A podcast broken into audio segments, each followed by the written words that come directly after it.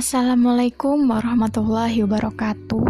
Apa kabar teman-teman semuanya? Semoga dalam keadaan baik-baik saja. Semoga setelah mendengarkan podcast ini semakin baik juga.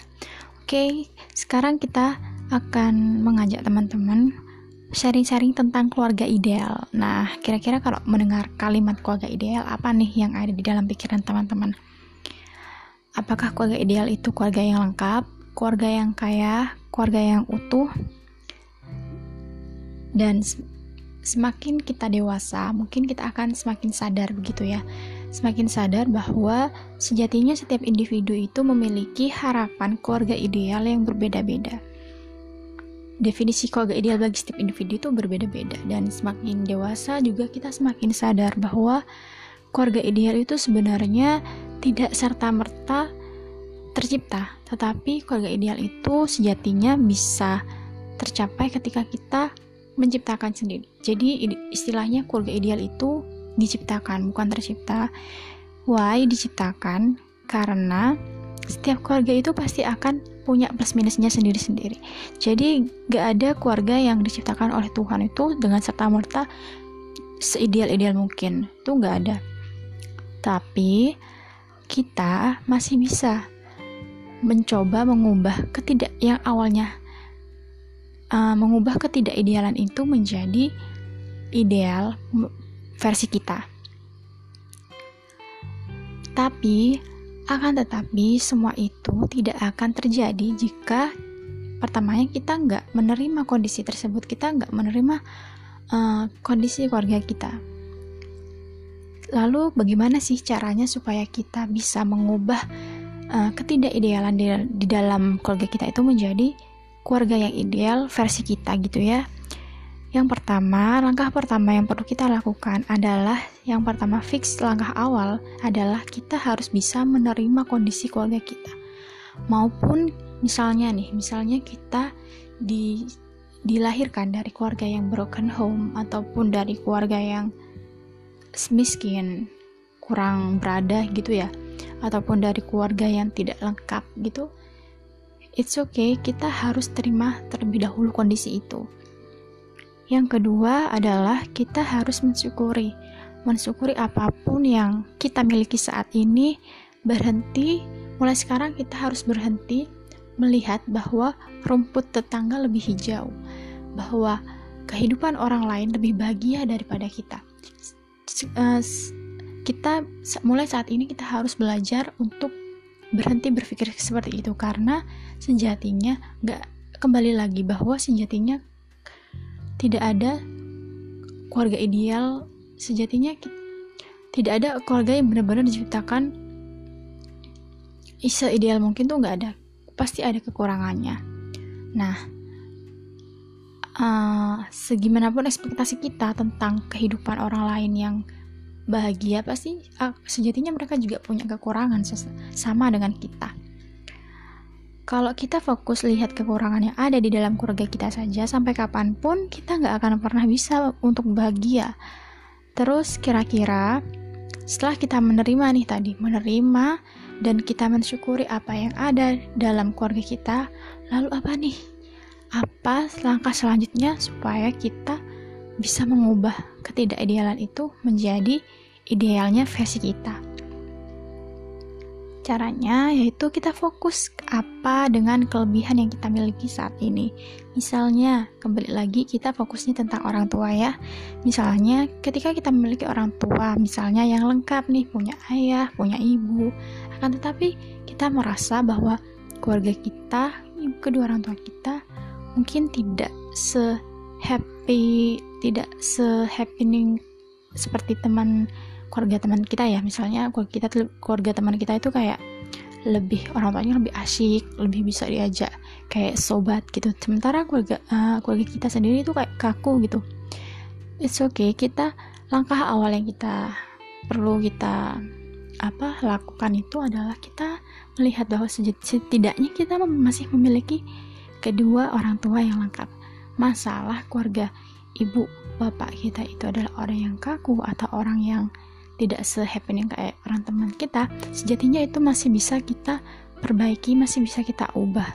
Meskipun misalnya dalam usaha itu kita nggak nggak bisa maksimal ya karena sejatinya yang bisa mengubah itu kan emang orang tua kita. Tapi kita masih bisa nih masih punya peluang usaha untuk mengubah itu semua. Nah selanjutnya misalnya terus kita jawab lagi ini ya. Misalnya kita jawab lagi ya kalau misalnya kita punya keluarga lengkap sementara mereka mungkin tidak punya. Sementara kita merasa bahwa meskipun kita mempunyai keluarga yang lengkap akan tetapi keluarga kita, keluarga kita itu kayak sibuk terus nggak pernah ngurusin kita nih misalnya. Kemudian kalian tahu nggak kira-kira sebenarnya bahwa orang banyak loh orang-orang di luar sana itu yang memiliki pandangan bahwa seperti anak-anak jalanan, anak-anak yang berada di pondok pesantren yatim piatu ya misalnya, mereka sekedar tahu orang tuanya siapa dan mereka diakui oleh kedua orang tuanya. Itu sangat membahagikan sekali loh. Itu kayak sebuah impian yang sangat mereka cita-citakan gitu ya. Mengetahui dan diakui oleh kedua orang tuanya itu sangat wah gitu. Sementara kita yang mungkin udah punya keluarga, kita masih kurang saja dengan uh, apa yang kita miliki saat ini. Nah, intinya adalah kita apa yang menjadi kekurangan dan kelebihan kita, bagaimana caranya kita berpikir positif dan mensyukuri. Mensyukuri dan apa yang bisa kita perbaiki ya kita perbaiki. Begitu. Terus kita mungkin kita sadar lagi nih. Terus kita bilang gini nih. Oh ya, berarti kehidupanku lebih beruntung ya daripada daripada anak-anak jalanan itu gitu. tapi di ya ya kita mungkin lebih beruntung tapi kita juga jangan senang-senang dulu nih. Seharusnya kalau kita masih belum bisa menerima kondisi keluarga kita seperti apa dan sementara mereka anak jalanan itu sudah bisa menerima keadaan mereka seharusnya yang perlu dikasihani bukan mereka tapi ya diri kita sendiri. Why? Karena kita masih belum bisa enjoy dengan diri kita sendiri. Kita masih belum bisa menerima kondisi kita hari ini. Sementara mereka meskipun mereka dengan serba kekurangannya mereka bisa menerima dan mereka bisa enjoy dan bahkan mereka bisa memperbaiki hal itu. Nah kemudian selanjutnya jadi apa-apa sebelum kita mengasihi orang lain kita harus uh, harus lihat dulu nih kita apakah kita sudah mensyukuri, apakah kita sudah menerima. Karena sejatinya teman-teman bahwa sebenarnya Allah Subhanahu wa taala itu nggak pernah menciptakan segala sesuatunya secara tidak profesional itu nggak akan pernah. Allah Subhanahu wa taala Tuhan yang telah menciptakan kita telah menciptakan segala sesuatu di dunia ini, di bumi ini dengan serba profesional. Gak ada namanya kita kita diciptakan bahagia-bahagia terus, sedih-sedih terus itu nggak akan pernah. Semuanya diciptakan secara profesional.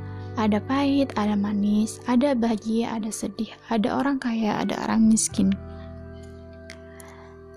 Kemudian apalagi nih yang harus kita lakukan gitu ya ya kita coba sekarang kita pejamkan mata kita mata kita kita pejamkan kemudian sementara mata hati kita kita buka. Kita renungin kita renung bersama selama perjalanan hidup kita dari dahulu sampai sekarang. Apa sih hal-hal yang perlu kita syukuri dalam kehidupan ini? Momen apa aja sih yang perlu kita syukuri? Nah setelah kita renungin benar-benar coba coba deh kita tulis uh, bentuk-bentuk syukur kita hal yang membahagiakan apa saja yang pernah terjadi dalam kehidupan kita kata-kata motivasi apa pun itu atau momen-momen yang momen-momen dalam bentuk foto gitu misalnya kita tempelkan kita catat kita tempelkan ke majalah dinding di kamar kita biarkan itu menjadi pengingat kita yang mereminder kita ketika kita mungkin jatuh sejatuh-jatuhnya ketika kita melihat dan mengingat semua kejadian itu kita akan mendapatkan energi yang baru. Kita akan gak akan lagi nih yang namanya sejatuh-jatuhnya. Pasti kita selalu akan merasa uh, mendapatkan energi setelah mendengar setelah melihat dan membaca uh, tulisan dan foto-foto tersebut. Nah, sekarang setelah kita membahas tentang menerima dan mensyukur yang telah kita punya, masih banyak lagi nih step-step yang harus kita bahas mengenai da untuk mengubah ketidakidealan menjadi sebuah keluarga ideal. Versi kita masih banyak lagi tapi akan lanjut lagi di keluarga ideal part 2 see you. Sampai jumpa. Terima kasih. Wassalamualaikum warahmatullahi wabarakatuh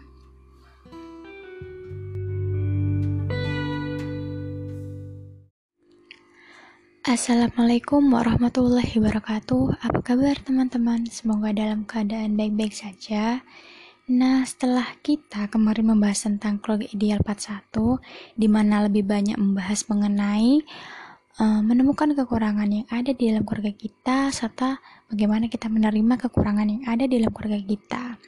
Nah, di part kedua ini kita akan lebih banyak membahas mengenai bagaimana sih caranya kita menghadapi kekurangan yang ada di dalam keluarga kita dan bagaimana cara kita mensyukuri kelebihan yang ada di dalam keluarga kita. Why harus kita hadapi teman-teman? Karena uh, kekurangan yang ada di dalam keluarga kita itu harus kita hadapi kita hadapi karena ya tentu kita punya harapan ya setiap orang pasti punya harapan uh, harapan keluarga ideal versinya masing-masing. Nah sebelumnya kita ya harus tahu dong uh, kita kan nggak mungkin uh, menghadapi sesuatu tanpa kita tahu tanpa kita tahu apa sih yang kita hadapi. Nah sebelumnya itu sebelum kita menghadapi kita harus tahu dulu apa sih yang menjadi kekurangan yang ada di dalam keluarga kita. Nah, coba teman-teman renungin apa sih yang ada di kira-kira yang menjadi kekurangan yang ada di dalam keluarga teman-teman sekalian. Nah, setelah itu setelah kita tahu nih eh, kekurangannya itu apa. Nah, selanjutnya adalah kita memetakan memetakan uh, kekurangan kekurangan apa yang masih kita yang ketika kita hadapi itu kita masih bisa mengendalikan gitu loh tapi kalau yang yang kedua ini adalah kekurangan yang tidak bisa kita kendalikan. Nah, contohnya yang tidak bisa dikendalikan itu seperti uh, kita, misalnya kita terlahir dari uh, ibu single parent. Nah, otomatis kan orang tua ya kita uh, ke orang tua kita itu hanyalah ibu single parent. Orang tua biologis biologis kita sementara orang tua biologis kita yang ayah itu sudah meninggal gitu jadi itu sebuah kekurangan yang tidak bisa kita kendalikan setelah kita memetakan kekurangan yang bisa dikendalikan dan yang tidak bisa kita kendalikan uh, lalu gimana nih cara menghadapinya nah cara menghadapinya itu yang pertama langkah pertama adalah untuk mengubah uh, keluarga ideal versi kita untuk agar menjadi keluarga ideal versi kita, langkah yang pertama adalah kita harus memiliki keyakinan. Keyakinan sehingga dari keyakinan itu akan muncul niat yang kuat. Kenapa sih kita harus memperjuangkan hal ini? Kenapa sih why kita harus mewujudkan uh, keluarga ideal versi kita ini?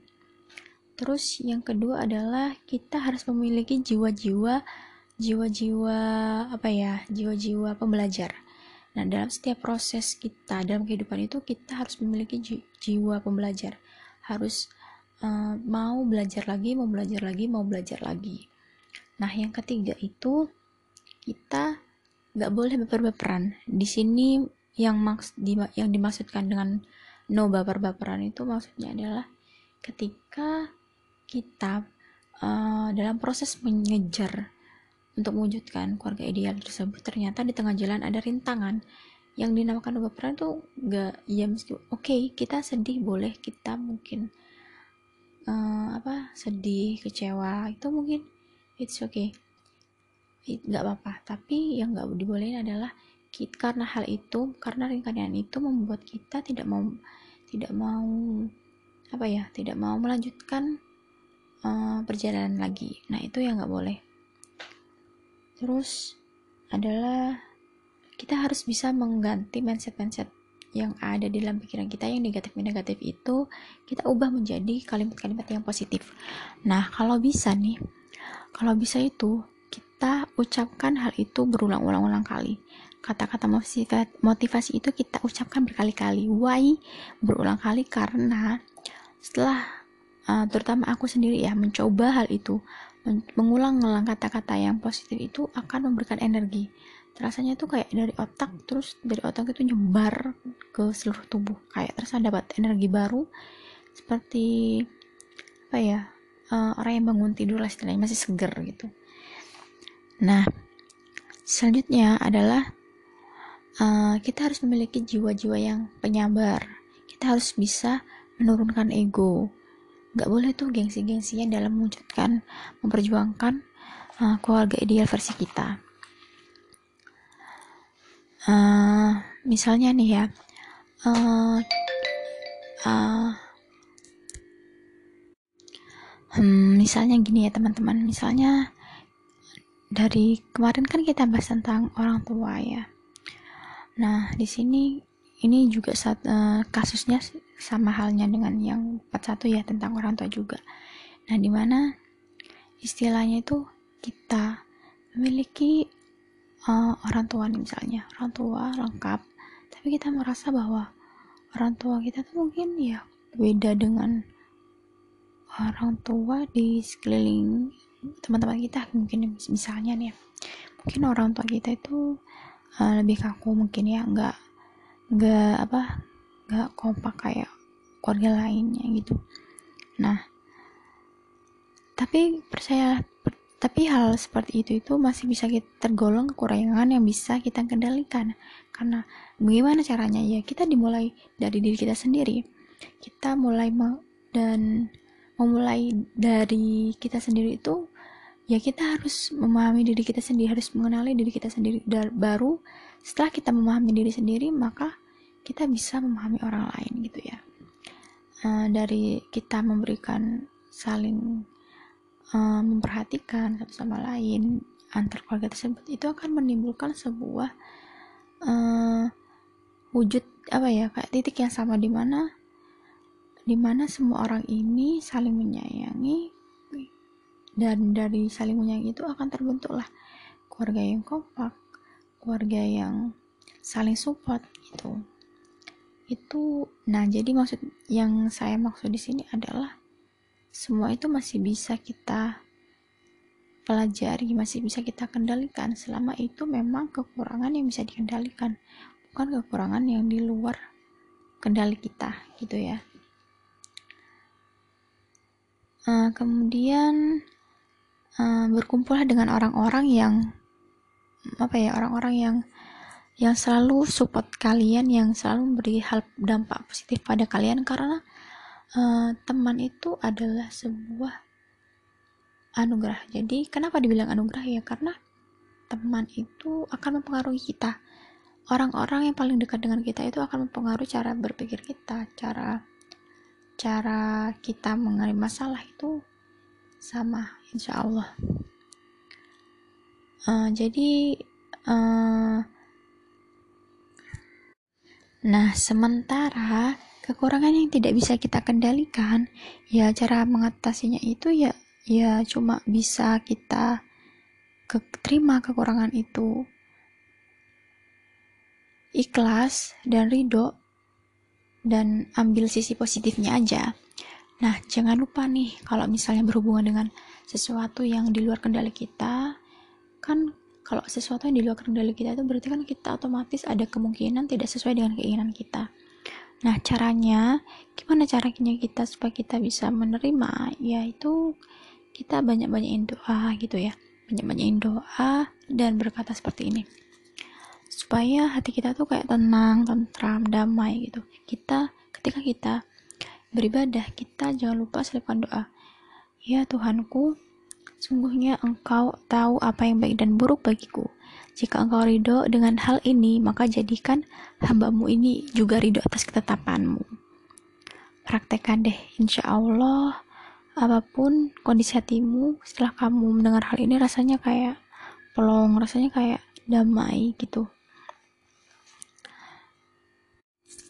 Nah, setelah kita udah tahu bagaimana caranya menghadapi kekurangan yang bisa kita yang bisa kita kendalikan dan yang tidak bisa kita kendalikan ya selangkah selanjutnya adalah bagaimana dalam proses-proses mewujudkan keluarga ideal itu uh, itu dijadikan sebagai bahan pembelajaran agar kelak ketika kita mempunyai keluarga sendiri nanti itu tidak akan terbawa tidak akan terbawa di keluargamu yang selanjutnya gitu kemudian yang terakhir adalah kunci dari mewujudkan keluarga ideal itu adalah mengontrol bagaimana caranya kita dapat mengontrol dan mengontrol ya kekurangan dan kelebihan yang ada dalam keluarga maupun yang ada di dalam diri kita sendiri.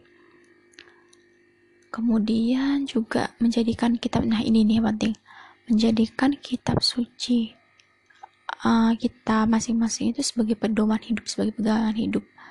Dan juga tak lupa Eh, nilai-nilai uh, prinsip-prinsip nilai kehidupan tuh yang harus kamu pegang karena hal itu yang akan menjaga dan menolongmu untuk mewujudkan uh, keluarga idealmu versimu masing-masing. Uh, akan ada sesuatu, uh, akan selalu ada fase hidup, dan akan selalu ada titik jeda itu selalu akan ada. Jadi kita nggak mungkin diuji terus kita nggak mungkin dikasih hal yang negatif terus pasti kita ada uh, hal positifnya gitu. Akan selalu ada fase hidup dan akan selalu ada titik jeda. Jeda untuk bersyukur atas nikmatnya hidup jeda untuk sabar dari ujiannya hidup jeda untuk memperjuangkan kehidupan yang lebih baik Oke, teman-teman, itu yang bisa saya sampaikan. Semoga bermanfaat dari aku, teman bertemu dan berkembang kalian. Thank you. Wassalamualaikum warahmatullahi wabarakatuh. Assalamualaikum warahmatullahi wabarakatuh. Uh, selamat malam teman-teman. Uh, hari ini mungkin aku mau mengajak teman-teman untuk mendengarkan uh, beberapa kalimat, beberapa paragraf kalimat tentang uh, sebuah kesedihan. Nah, jadi uh, menurut aku sebenarnya kesedihan itu bukanlah sebuah kelemahan. Menangis itu sebenarnya bukan lambang kelemahan ya, apalagi uh, untuk kita seorang perempuan yang emang di yang emang diciptakan oleh Allah Subhanahu taala itu uh, perasa banget gitu. Jadi mungkin ini bisa membantu menghibur uh, teman-teman yang mungkin di sini lagi sedih gitu. Supaya semangat lagi. Oke, okay, mulai saja. Suatu waktu mungkin ada saatnya kita merasa benar-benar sedang di under pressure Rasanya seperti dihujani bom waktu, mencoba untuk tegar, berusaha sebisa mungkin tak menjatuhkan air mata. Namun pada akhirnya kehidupan ini membuat kita tak kuasa menahan. Semakin ditahan, semakin sesak, dan semakin tak terbendung. Dalam takisanmu tersebut, tak sadar perlahan-lahan membuatmu membuka mata hati dan pikiran. Kau berkata, Tak apa hari ini menangis. Wajar kok, ini sehat. Ini bentuk respon tubuh kita saja. Tidak benar dengan menangis membuatmu lemah. Karena terkadang beberapa orang menangis justru mampu merenungi segala jalan hidup yang sedang ditempuhnya. Hingga sampai memperoleh energi positif untuk kehidupan di masa depan yang lebih baik. Kamu hanya terbilang lemah jika kamu tak mampu menerima fakta dan tak mampu untuk berusaha berproses memperbaiki akan segala hal tersebut. Nyatanya, setelah kamu yakin, berpikir positif, mencoba berproses, dan mencoba menerima apa pun hasilnya nanti, sebaik dan seburuk apa pun, nyatanya tak serumit yang kamu kira awalnya. Nyatanya kamu sadar, sejatinya kesulitan atau kerumitan itu hanya ada dalam bayanganmu. Jika kamu tidak percaya, jika kamu tidak berpikir positif, jika kamu tak mau berproses, dan jika kamu tak mulai mempersiapkan mental apa pun hasilnya nanti. Saat kamu sadar, saat kamu berhasil melaluinya, saat itu pula kamu akan berterima kasih dan berkata pada Tuhanmu, Sungguh Tuhan, terima kasih atas semua ujian yang kau berikan untuk membentukku menjadi hambamu yang berkualitas. Saat itu juga mungkin kamu akan teringat dan sangat berterima kasih dan mungkin kau tak akan pernah melupakan mereka. Iya, mereka. Ucapan, sikap, dan perlakuan dalam bentuk kritikan mungkin mereka lah yang membuat kita sadar dan terbangun untuk berlari dan berani menembus tembok yang selama ini berada di dalam diri. Dan satu lagi, jangan pernah lupakan mereka. Iya, mereka, keluargamu, sahabatmu, support sistem apa pun yang senantiasa setia untuk menguatkanmu. Sekali lagi, terima kasih banyak untuk kamu, untuk siapa pun kamu. Tanpa Allah, Rasul, dan mereka, mereka yang senantiasa mengkritikmu, mereka yang selalu menjadi support sistemmu. Terima kasih atas semuanya. Aku tak akan pernah bisa melewati semua ini tanpa kalian. Thank you.